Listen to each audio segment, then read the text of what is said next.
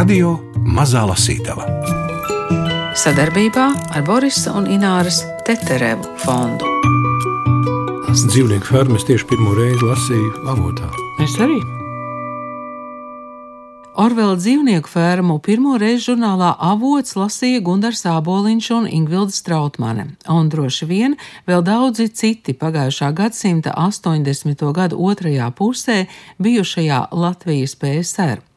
Kāpēc vispār varēja iznākt tāds žurnāls latviešu un krievu valodā, kāpēc tajā varēja sapulcēties jaunie un talantīgie, un cik tā notika spēles ar robežu pārbaudīšanu attiecībās ar čeku, ceku un galveno literatūras pārvaldi?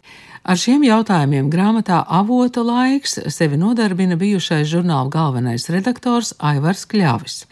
Žurnāla iznākšanas laiks 1987. 1992 jautāju Aivaram Kļavim. Kāpēc jūs sākāt atcerēties tik detalizēti un arī kontaktējāties ar bijušajiem kolēģiem un droši vien pārlasījāt avotu komplektu? Kāpēc bija svarīgi to visu apkopot? Es pat nevaru tā atbildēt, kāpēc. Tas subjektīvi, es teiktu, nu, nu, tie bija septiņi gadi no manas dzīves. Avots iznāca pieci ar pus gadus, jā, es sāku daudz agrāk, tātad septiņi, apaļ septiņi gadi. Tad, ja tev ir 37 gadi, ir diezgan daudz. Nu, man bija pāri 30, ja, bet nu, tie 7 gadi ir diezgan daudz. Un otrkārt, es jau ilgi domāju, par to vajadzētu rakstīt. Bet, ja godīgi, Un, un pat ne es tik daudz domāju, cik man dēli un nepārtraukti ir dažādās ģimenes sanākšanas reizēs, piemēram, Ziemassvētkos vai kaut kad. Ja? Un, un viņi man izprovocēja uz tiem stāstiem ja, par avotu. Un nepārtraukti es atceros, kā, kā teikt, Parasti tas beidzās virtuvē, ja, kad pie galda, ja, kur, kur viņi saka, bet nu, tev ir tas jāuzraksta, tev ir jāuzraksta, mēs to, mēs to nezinām. Bet man bija bail. Es teikšu, godīgi, man bija drusku bail tam ķerties klāt. Un, un tāpēc es tā kā gribu, tā kā vajadzētu un tā kā atlieku. Tā kā varbūt ne tagad. Un, un vienmēr bija, bija kaut kādi steidzamāki darbi, kas radās paši no sevis. Bija tā tetraloģija, tad bija stāstu krājumi, kas bija iecerēti, tad bija pusauģiem grāmata, uh, ceļš uz nezināmo zemi, tā triloģija par melnu akmeni. Un, uh, un vienmēr tad ir šie darbi. Un, un atklāti sakot, es jau sāku citu darbu. Es sāku rakstīt romānu arī jauniešiem Un tad sākās pandēmija. Un es vairs nevarēju, es jau biju apmēram trešdaļu no tās grāmatas uzrakstījis, un man vajadzēja tikt arhīvos, man vajadzēja tikt muzejā drusku pastrādāt. Un muzejs tieši burtiski tajās dienās, tas marta sākums, tas muzejs aizvērās.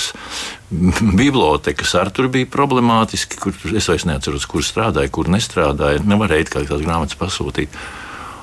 Un es vienkārši to atliku, nezinu, vai es atgriezīšos. Un tad es domāju, jā, nu ir tas brīdis, pati dzīve man liek darīt to, ko es varu darīt patiesībā. Neizejot no mājas, tur sazvanoties un, un attaisot skati un izgāžot visus tos komplektus ārā. Tie komplekti tur stāv tajā skapī. Ja? Nu, tur ir pat pa vairākiem eksemplāriem. Bet te ir par Normūnu Naumani, kurš palīdzēja atrast žurnāla māksliniecisko redaktori par Andru Neiburgu, Rudītu Kalpiņu un Evu Rubeni. Vispirms vajadzēja atrast māksliniecisko redaktoru. Tas izrādījās grūtāk nekā domāju. Preses izdevuma mākslinieckais redaktors pirms datoru laikmetā bija specifiska profesija, kas prasīja zināmu pieredzi un pat rutīnu. Atbilstoši manam priekšstatam par vēl neiznākušo žurnālu, kandidātus vajadzēja meklēt nevis starp jau esošajiem profesionāļiem, bet jaunajiem, kuri tobrīd strauji ienāca mākslā, pārsteidzot un šokējot gluži tāpat, kā tas notika literatūrā. Diemžēl no viņiem pazinu tikai dažus. Tos, kuri savulaik kaut ko bija ilustrējuši liesmā, vai arī par kuriem tika rakstīts žurnālā. Pārējiem zināja tikai uzvārdus un bija redzējis atsevišķus darbus. Es nebiju bohēmas, vēl vairāk nebiju pats sabiedrības cilvēks, jo prózu rakstot ir diezgan grūti tādam būt. 1985. gadā iznāca aprakstu grāmata par nepilngadīgo problēmām. 1988. gadā vajadzēja iznākt Leņņģeradā pabeigtajam garstāstam Es saucu, lai atsauktos, un avota tapšanas laikā rakstīju stāstus grāmatai Mans nams. Dīvaini, bet tajā brīdī, kad izdomāju kļūt par redaktoru, neiedomājos, ka tieši sabiedrības cilvēka statusa trūkums vēlāk var radīt problēmas. Mani sakari un kontakti aprobežojās ar Rakstnieku savienību, kā arī preses namā, radio un televīzijā strādājošajiem žurnālistiem. Neteikšu, ka nepazinu, teiksim, māksliniekus, aktierus vai citu radošo profesiju pārstāvis, bet šīs pazīšanās bija vairāk nekā paviršas tādu pieklājīgu galvas mājienu līmenī iztālēm sasveicinoties. Turklāt jāņem vērā tā laika komunikācijas iespējas, kad nevarēja puspazīstamam, pat nepazīstamam cilvēkam aizsūtīt e-pastu vai īsziņu. Arī cilvēki savstarpēji iepazīstoties vai komunicējot, bija daudz konservatīvāki un saprotamu iemeslu dēļ arī piesardzīgāki. Nekad nevarēja zināt, vai mazpazīstamais sarunu biedrs nav kāds no čekas ziņotājiem jeb stukačiem. Tā nu bija nonācis pats sev izvirzīto nosacījumu lamatās. Salīdzinājumā ar nodaļu redaktoriem, kas izmantojot mūsdienu terminoloģiju, vairāk vai mazāk uzskatāmi par komandas cilvēkiem, mākslinieks bija stipri suverēns. Mūsu situācijā tam vajadzēja ne tikai radīt žurnāla dizainu un satura izvietojuma principus, bet arī rēķināties ar neskaitāmiem tīri tehniskiem sīkumiem un poligrāfijas iespējām. To neievērošana varēja neglābjami sabojāt visu žurnālu. Savukārt zināšanas un pieredzi apgūt varēja tikai ar laiku un praksē. Lūk, arī pretruna. Avotam nederēja mākslinieckais redaktors ar pieredzi un rutīnu, bet tajā pašā laikā pieņemt mākslinieku bez pieredzes bija riskanti. Patiesībā abi risinājumi slikti, tomēr gribot, negribot, vajadzēja izšķirties par vienu no tiem. Līdz negaidot, arī šis jautājums atrisinājās it kā pats no sevis, un izēja no strupceļa izrādījās viena no lielākajām avota veiksmēm.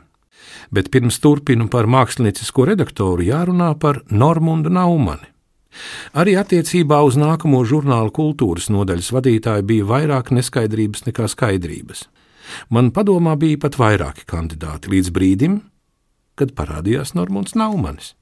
Kā jau teicu, avotam ierādīja telpas preses nama 19. stāvā. Stāvu zemāk atradās galvenās literatūras pārvalde, jeb glavaļits, stāvu augstāk laikraksts Literatūra un māksla. Vairākas telpas litmākslai, kā to nereti sauca, bija arī 19. stāvā ēkas pretējā pusē. Arī mākslas zinātnieces kopš 90. gadu beigām izdevniecības neputnas galvenās redaktoras Laimas Slavas un laikraksta kino, televīzijas un fotonodaļas vadītājs Sarmītas Ēlertes, vēlāk Latvijas Tautas frontes informācijas centra un ilgadējās laikraksta diena galvenās redaktoras kabineti. Laimu pazinu kopš liesmas laikiem, jo viņa bija viena no žurnāla autoriem. Sārmīt vēl sanāk. Kad strādāju Rakstnieku savienības literatūras propagandas birojā, literatūra un māksla atradās tajā pašā ēkā, kur Rakstnieku savienība un mēs, Krišāņa baronielā 12. Nereti, kad atrados preses namā, mūsu ceļi krustojās. Bija jautājumi, par kuriem man vajadzēja uzzināt viņu viedokli, ko visnotaļ respektēju. Vienā no tādām reizēm sākām runāt par Normunda Naumani, kurš tolaik strādāja Latvijas Zinātņu akadēmijas valodas un literatūras institūtā un diezgan regulāri publicējās literatūrā un mākslā. Pazinu viņu vienīgi no šīm publikācijām. Sarmīte, kā pati vēlāk teica, Normundu pazinusi ļoti labi. Abi studējuši Maskavā, viņa valsts kino institūtā, Naumanis Maskavas valsts teātra institūtā. Studiju laikā stažējies literatūras un mākslas teātra nodaļā, ko vadīja Anna Butniece, tāpēc arī Laima viņu pazina. Abas stāstīja par Normunda erudīciju, zināšanām, pirms gada viņš institūtu bija beidzis, daudzpusību, izpratni par kultūras procesiem un to, ka labāku par viņu jauno mākslas zinātnieku vai teātra kritiķu vidū neatradīšu. Sāku domāt, ka varbūt tiešām Naumanis ir tas cilvēks, kas nepieciešams avotam. Tiesa rakstnieku savienībā teica, ka viņš esot tikpat neorganizēts un nevadāms, cik talantīgs. Tu traksēsi, lai nu ko tikai ne Naumani sacīja cilvēki, kas viņu pazina labāk par mani. Tomēr nolēmu riskēt. Drīz vien ar laimes un sarmītas starpniecību vienojāmies par tikšanos. Atceros, mēs stāvējām uz preses nama 19. stāva balkona, no kura pavērās skats uz toreizējo ķīpsalu. Normunds vēl bija jauns un bez slavas nimba, kas apvīja viņa galvu pēc gadiem, 10, 20. Mūsu saruna bija diezgan īsa un mazliet iracionāla. Varbūt tāpēc to lieliski atceros pat pēc vairāk nekā 30 gadiem. Jums neļaus man pieņemt, sacīja Naumans, kad biju izstāstījis par avotu. Bet es pieņemšu, pirms kāds paspēs neļaut. Mēģināju atjokot, nesaprastams, kāpēc viņu varētu neļaut pieņemt darbā. Jūs taču par mani neko nezināt. Redzēsiet, vēlāk vienalga liks atlaist. Un tas vairs nebija joks. Tas tika teikts pavisam nopietni, pat ar zināmu pašapziņu un lepnumu. To, kas slēpās aiz šiem vārdiem, sapratu vēlāk, kad Normunda personiskā dzīve nereti ņēma virsroku pār darbu un viņš pazuda uz vairākām dienām. Vai arī plānošanā pieteica vienu materiālu, pēc nedēļas paziņoja, ka pārdomājis un mainījis tematu, bet žurnāla nodošanas laikā lasīja pavisam ko citu. Tad arī es aiziešu. Vai nu mēs paliksim abi, vai nepaliks neviens no mums. Drusku aizkaitināts, ka tiek apšaubīts manis teiktais, atbildēju: Tiešām? Viņš vaicāja, smaidot sev tik raksturīgo ironisko smaidu, kuru vēlāk nereti izmantoja kā sava veida uzbrukuma ieroci un bruņas vienlaikus. Bet toreiz to vēl nezināju. Jā, es apsolu. Man jāpadomā. Mums nav laika daudz domāt. Pieklājības pēc gribēja vaicāt, cik ilgi viņš grasās domāt, bet Normunds aizsteidzās man priekšā. Labi, bet būtu forši, ja man nevajadzētu rakstīt atlūgumu institūtā, ja to varētu nokārtot ar pārvedumu. Apsolīju, ka darīšu, kas manos spēkos, lai Normunds tiktu pārcelts uz avotu ar tā saukto pārvedumu, kas saglabāja nepārtrauktu darba stāžu un garantēja zināmu atkāpšanās ceļu. Savu solījumu izpildīju. Kā liecina ieraksts darba grāmatiņā, kas tolaik bija obligāts visiem strādājošajiem un ko saglabājusi avota tehniskā redaktore Ināra Jurjāne, 22. augustā Normunds Naumanis ar pārvedumu pieņemts darbā žurnālā Avots par nodaļas redaktoru. Pavēlē ir trešais numurs, un tā parakstīta 21. augustā. Bet Normunds Naumanis un tehniskā redaktore Ināra Jurjāne bija vienīgie, kas sākuši no pirmā numura bez pārtraukuma nostrādāja līdz pēdējam 1992. gadā. Nu, tie arī ir fotografija no Normunda Naumaņa darba grāmatiņas. Tekstā ir ļoti daudz jautājumu. Man ir tāds sajūta, ka jūs jautājat pats sev, un arī atstājat tās jautājumu zīmes dažviet. Vai piedāvājat eh, atbildžu variantus, un nav īsti zināms, nu, piemēram, kāpēc vispār sāka izdot avotu. Nu, tas gan nav zināms. Tur ir versijas. Es visas tās versijas godprātīgi uzskaitu, jo, Jā. nu, redziet, ir tāda robeža šķirtne kaut kur 80, 1985, 86 gads. Ja līdz šim 1986 gadam, tajā monstrā, ko sauca par Padomju Savienību, Tie spēles noteikumi bija puslīdz skaidri. Jā. Bija skaidrs, kas jādara žurnālistiem, ko dara centrāla komitejas darbinieki. 85. un 86. gadā mainījās tie spēles noteikumi, un viss kļuva ļoti sarežģīti. Es domāju, jāvodas Nu, Mavots nevarēja iznākt, un tas noteikti nebūtu tāds. Viņš nevarēja iznākt 84. Ja, tas nav iespējams pēc definīcijas. Bet, ja mēs pieņemam tādu utopisku variantu, ka iznāktu, tad nebūtu arī šie jautājumi. Jo 84. gadā neuzdeva jautājumus. Jautājums noklusēja jautājums centās eh, nedzirdēt, nu, visādā veidā. Bet tajā laikā tas, eh, kāpēc avots iznākas, jau tie, tie bija jautājumi, ja, kurus jau es pats sev uzdevu. Varbūt nu, mēs redakcijā tik daudz par to nerunājam, lai gan es domāju, mēs runājam arī.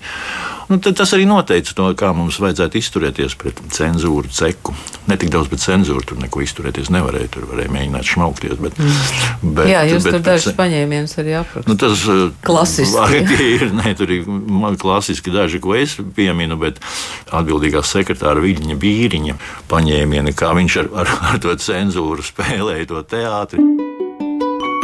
Aivars Kļavis stāsta par avota laiku, lasa Gunārs Aboliņš, jautā Ingvilda Strautmane. Radio Mazā Lasītava. Kā jūs kļūstat par galveno redaktoru, te ir aprakstīts, to visu var izlasīt, un arī to, kā jūs eh, sapulcināt jaunus, radošus cilvēkus. Principā diezgan liels risks. Cilvēki, kuri līdz šim nu, praktiski nav strādājuši presē, viņiem tā tad nav tādas rutīnas pieredzes. Nu, daži bija drusku, jā, Nu, teiksim, drusku, spāri. jā, jā, jā. Un, un tad viņi nāk katrs kaut- ar to savu radošo, nu, kaut vai, ja mēs sakām, ka Normons Naumans, Rudīti Kalpiņi un visi tur nāk ar savu radošu potenciālu un, protams, arī ar savu radošu, radošu spītību. Un varbūt, ka joprojām kāds saka, bet, nu, kļaviem vajadzēja būt drosmīgākam dažās situācijās. Vai ne? Nu, vienu brīdi tas jau tika arī publicēts mēdījos. Ne tikai, ka kļāvim vajadzētu būt drosmīgākam, bet tas ir arī fiksēts. Bija pat vesels raidījums, kurā uzstājās viena redakcijas darbinieca un to vien darīja. Kā teica, ka mēs visi bijām drosmīgi un vienīgi kļāvis bija tas, kurš mums tur bremzēja un, un neļāva. Ja. Nu, Nevarēja būt drosmīgāki, kā mēs bijām. Tas bija jau, prātam, neaptverami tiem laikiem. Kā lai pasakā, lai to saprastu? Nu, nu Škapars visprecīzāk pateica, ka galvenais redaktors Jānis Škapars, ilgadējais literatūras un mākslas redaktors, nu, pilnīgi leģenda, ja, žurnālistikas leģenda, atmodas laika leģenda. Un, un viņš savā atmiņā raksta, ka galvenais redaktors bija tas bailīgākais cilvēks redakcijā. Nu, viņam, viņam vajadzēja baidīties. Ja es nebūtu baidījies, nu, sauksim to tā, baidījies. Ja? Nu, jā, es baidījos, nebaidās tikai idioti. Ja? Absolūti stulbeņi. Ja es nebūtu baidījies, Nu, noņemt mani, būtu cits galvenais jā. redaktors, izformēt šo redakciju, pateikt, jūs esat, profesionāļi, kas te ir savākt. Patiesībā tur vienā brīdī man, maniem jauniem kolēģiem arī bija tas, tie pirmie numuri, bija tas mērķis uztaisīt tās bumbas. Tas bija tāds jaunības maksimālisms, jo arī daļa no viņiem, es nesaku, ka visi, bet daļa no viņiem neticēja, ka mums izdosies to visu novest līdz kaut kādam, līdz kaut kādam galam. Viņi neticēja. Un tad bija šī doma uztaisīt to pirmo numuru, tādu sprādzienu, lai gan. Ja salīdzina ar turpmākajiem, pirmais numurs jau ir uh, stipri necils. Nekā jau tur diži nav. Viņi skrien, šie jaunie cilvēki, gudrie ar pieri sienā. Viņi skrien. Tas grūtākais bija iestāstīt un pateikt, ka Nu, ka nevajag, ka tā pieredze mums no tā galva mums noderēs. Tas smadzenes mums nu, nevajag šķaidīt savu galvu, skrienot mūrī. Ja, ja. Pirmkārt, to mūri var apiet, ja, un var kaut kā graut savādāk.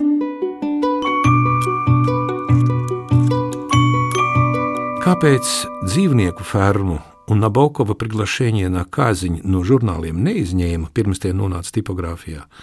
Kāpēc to drukāšanu neapturēja Glavļits Latvijā? Kāpēc to pamanīja tikai Maskavā, uz kurieni sākot ar 1988. gadu sūtīja visus žurnālu numurus? Jo, kā savulaik Gunteram Godiņam apgalvoja bijušais Latvijas Komunistiskās partijas centrāla komitejas sekretārs Ivars Česbers, Padomju Savienības Komunistiskās partijas centrālajā komitejā atbildīgajiem darbiniekiem tas uz galda atradies pirms nonāca pie lasītājiem Latvijā vai Krievijā. Iespējams, kaut netieši, bet mēs šādi ietekmējām visu kultūras procesu, kas notika milzīgajā valstī, kuru pasaulē sauca par SSSR. Vieglāk atbildēt uz jautājumu par Vladimira Nabokova darbu. Pēc 88. gada, tātad pēc Priglašēņiena Kaziņa publikācijas Rodņikā, Maskavas biezie literatūras žurnāli nodrukāja daudzus no viņu romāniem, skandalozo Lolitu ieskaitot. Iespējams, kaut kas tika publicēts arī pirms tam, tāpēc gluži par pilnībā aizliegtu viņu vairs nevarēja saukt. Joprojām aizliegti bija vienīgi konkrēti darbi. Atceros, 1987. gada rudenī mēs ar Centrāla komitejas propagandas un aģitācijas nodaļas vadītāju Imantu Daudišu braucām skatīties avotam paredzētās telpas Palasti ielā vecrīgā. Kad bijām vienojušies, ka nepieciešams pamatīgs remonts, lai tās atbilstu redakcijas vajadzībām, Daudišs vaicāja, ko no literatūras grasāmies publicēt nākamajos numuros. Atbildēja, ka Nabokovu, Lolitu. Nē, Priglašēņiena kaziņa, atbildēju. Labi, viņš sacīja, un ar to mūsu saruna beidzās. Savukārt uz jautājumu, kā tika cauri dzīvnieku ferma, atbildēt ir grūtāk. Iespējams, ka, ja reiz šis darbs atradās PSRS specfondos, tad Latvijas glavlīts par to nezināja. Cita lieta, ja runa būtu par kādu mūsu pašu autoru. Man grūti iztēloties tik apjomīgu sarakstu, kurā būtu pilnīgi visi PSRS un brālīgajās republikās aizliegtie literārie darbi. Un, ja reiz šī darba viņu rīcībā esošajos sarakstos nebija, tad nebija nekāda iemesla aizliegt drukāt. Lai gan varbūt viss bija citādi un daudz vienkāršāk. Grūti iedomāties, ka cenzori tajās dažās dienās, kas tiem bija atvēlētas, strādājot astoņas stundas ar stundu ilgu pusdienas pārtraukumu un vairākām kafijas pauzēm, spēja izlasīt pilnīgi visu avotā Rodņikā publicēto no viena gala līdz otram. Tāpēc visticamāk uzmanība tika koncentrēta uz publicistiku, rakstiem par kultūru, kur problēmas bija redzamākas ar nopietnākām tūlītējām sakām. Sava loma noteikti bija tam, ka antiutopija, kas pievērstu Glavļita uzmanību, tika nosaukta par pasaku.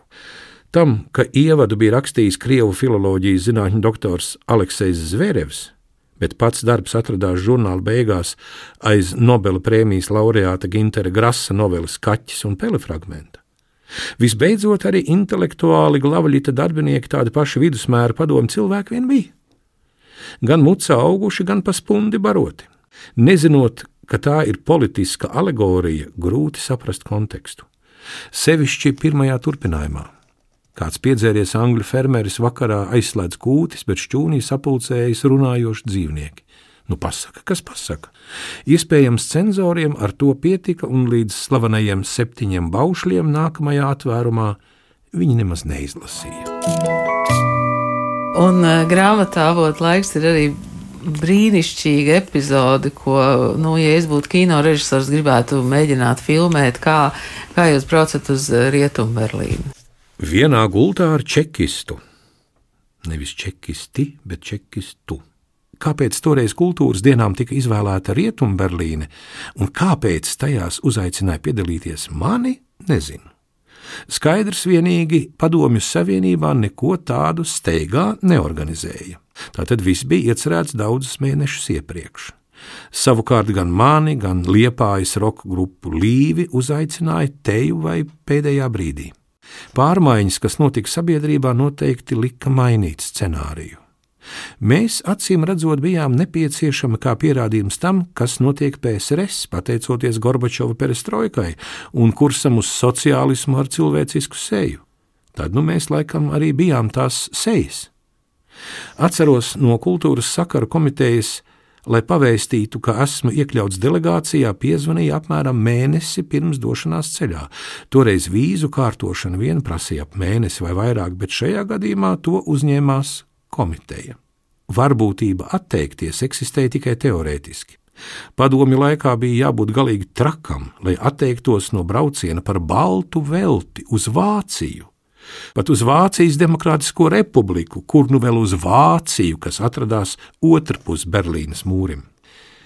8. māja pievakarē kultūras dienu dalībnieki sapulcējās Rīgas dzelzceļa stacijā, delegācija aizņēma vairākus vilciena Rīga-Berlīna vagonus, bija tādi mūziķu kolektīvi kā slavas zenītā esošais kamerkoris Avesol ar brāļiem Kokariem, jau pieminētie Līvi, ērģelnieks tālvaldes Deksnis ar vairākām savām audzēknēm, daži individuāli kultūras dienu dalībnieki, mani ieskaitot, un pulciņš personu, kas pavadīja delegāciju.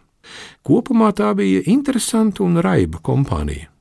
Akadēmiķis Jānis Stradiņš, Nelija Janaus no Centrāla komitejas kultūras nodaļas, vēl viena biedrene no Rīgas izpildu komitejas kultūras nodaļas vai partijas komitejas, kuras vārdu neatceros, Latvijas PSR valsts gazifikācijas komitejas priekšsādātājs Viktors Greižulisovskis, ar ko man iegadījās braukt vienā kupejā, divas meitenes no kultūras sakara komitejas, kas atbildēja par vīzām, pasēm un viesnīcām, kā arī divi kungi solīdos uzvalkos, kā vēlāk uzzināju augsta ranga valsts drošības komitejas virsnieki.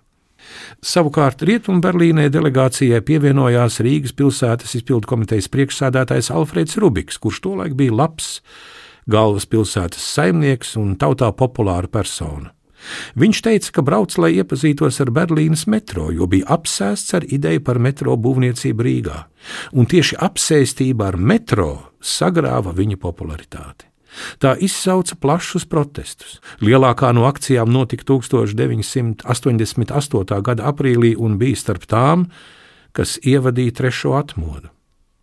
10. maijā ar vilcienu ieradušies Austrumberlīnē, pārsēdāmies autobusos un caur transportam paredzēto kontrolu punktu iebraucām Rietumberlīnē. Mūris atstāja nomācošu iespaidu. Sevišķi zinot, ka daudzi, kas mēģinājuši tam pārkļūt, nošauti. Dažus mēnešus vēlāk, kad literatūras zinātnieces Aijas Priedītes aicināts braukt uz ministeri, Man to nācās šķērsot vēlreiz tikai kājām, caur tādu kā pazemes bunkurā izbūvētu gājēju kontrolpunktu. Tas bija vēl nomācošāk. Neprātā nenāca, ka jau pēc gada nekāda mūra vairs nebūs. Lai gan līdz brīdim, kad to nojauks, vēl daži cilvēki ies bojā starp betona sienām, kas sadalīja lielo pilsētu divās daļās.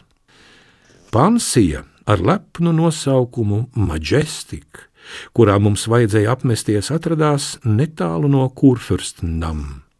Tātad gandrīz kapitālisma citadeles centrā. Kaut arī nosaukums lepns, nelielajā viesnīcā visiem vietas nepietika. Tās tika atvēlētas diriģentiem, korim un pavadošajām personām. Pārējiem rezervēti dzīvokļi netālu no viesnīcas. Saraksts, kur kurš apmetīsies, bija sastādīts iepriekš. Man vajadzēja mājokli dalīt ar vienu no vīriem, kurš stādījās priekšā kā Roberts. Par laimi Nelija Janaus neuzkrītoši pasaukusi sāņus brīdināja: Tu zini, ka viņš ir drošības komitejas pulkvedis? Tagad zināju, un uzreiz sapratu, ka mūsu kopā būšana nav nejauša, bet pilnībā to apjēdzu vēlāk, uzzinot, ka Roberts Anspaks bijis valsts drošības komitejas pirmās daļas, otrās nodaļas, kas nodarbojās ar emigrācijas izpēti un ietekmēšanu darbinieks. Savukārt man viens no galvenajiem pasākumiem, kuru dēļ braucu šurp, bija tikšanās ar ministrs Latviešu ģimnāzijas skolāniem un pasniedzējiem. Tomēr pats jautrākais, ka atslēguši dzīvokļa durvis, secinājām, tajā ir tikai viena gulta. Tiesa gan plata, tomēr viena. Velti Anspaks izmeklējās pa skapiem, cerēdams atrast kādu saliekamo, guļamo vai vismaz matraci. Taupīgie vācieši uzskatīja, ka ar vienu gultu diviem večiem no PSRS pilnīgi pietiek.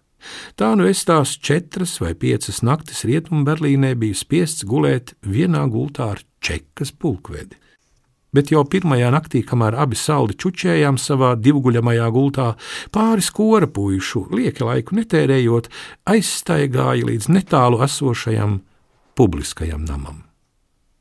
Stāsts vēl par um, avota vizualitāti. Tas ir, man šķiet, ļoti būtisks. Nu, noteikti, noteikti. Nu, tur milzīgs paldies Andrei Neiburgai, Andriem Brežam. Un kaut kā tā sakrita, to es esmu arī uzrakstījis, kad Andra aizgāja, ja viņa savā vietā ieteica Sarmīt Māliņu kad Sarmīta atnāca, tur nebija divu domu.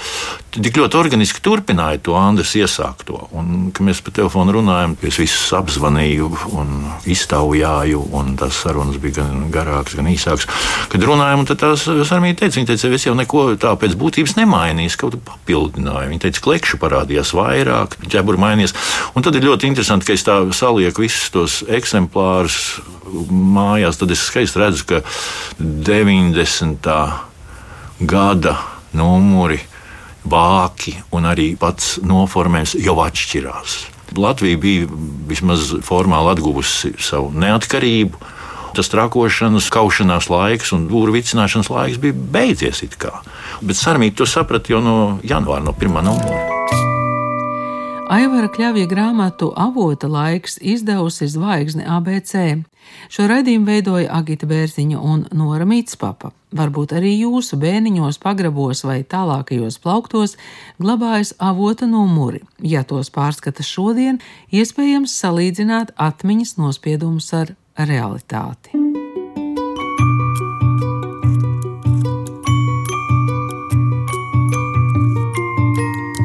Radio Mazā Lasītava.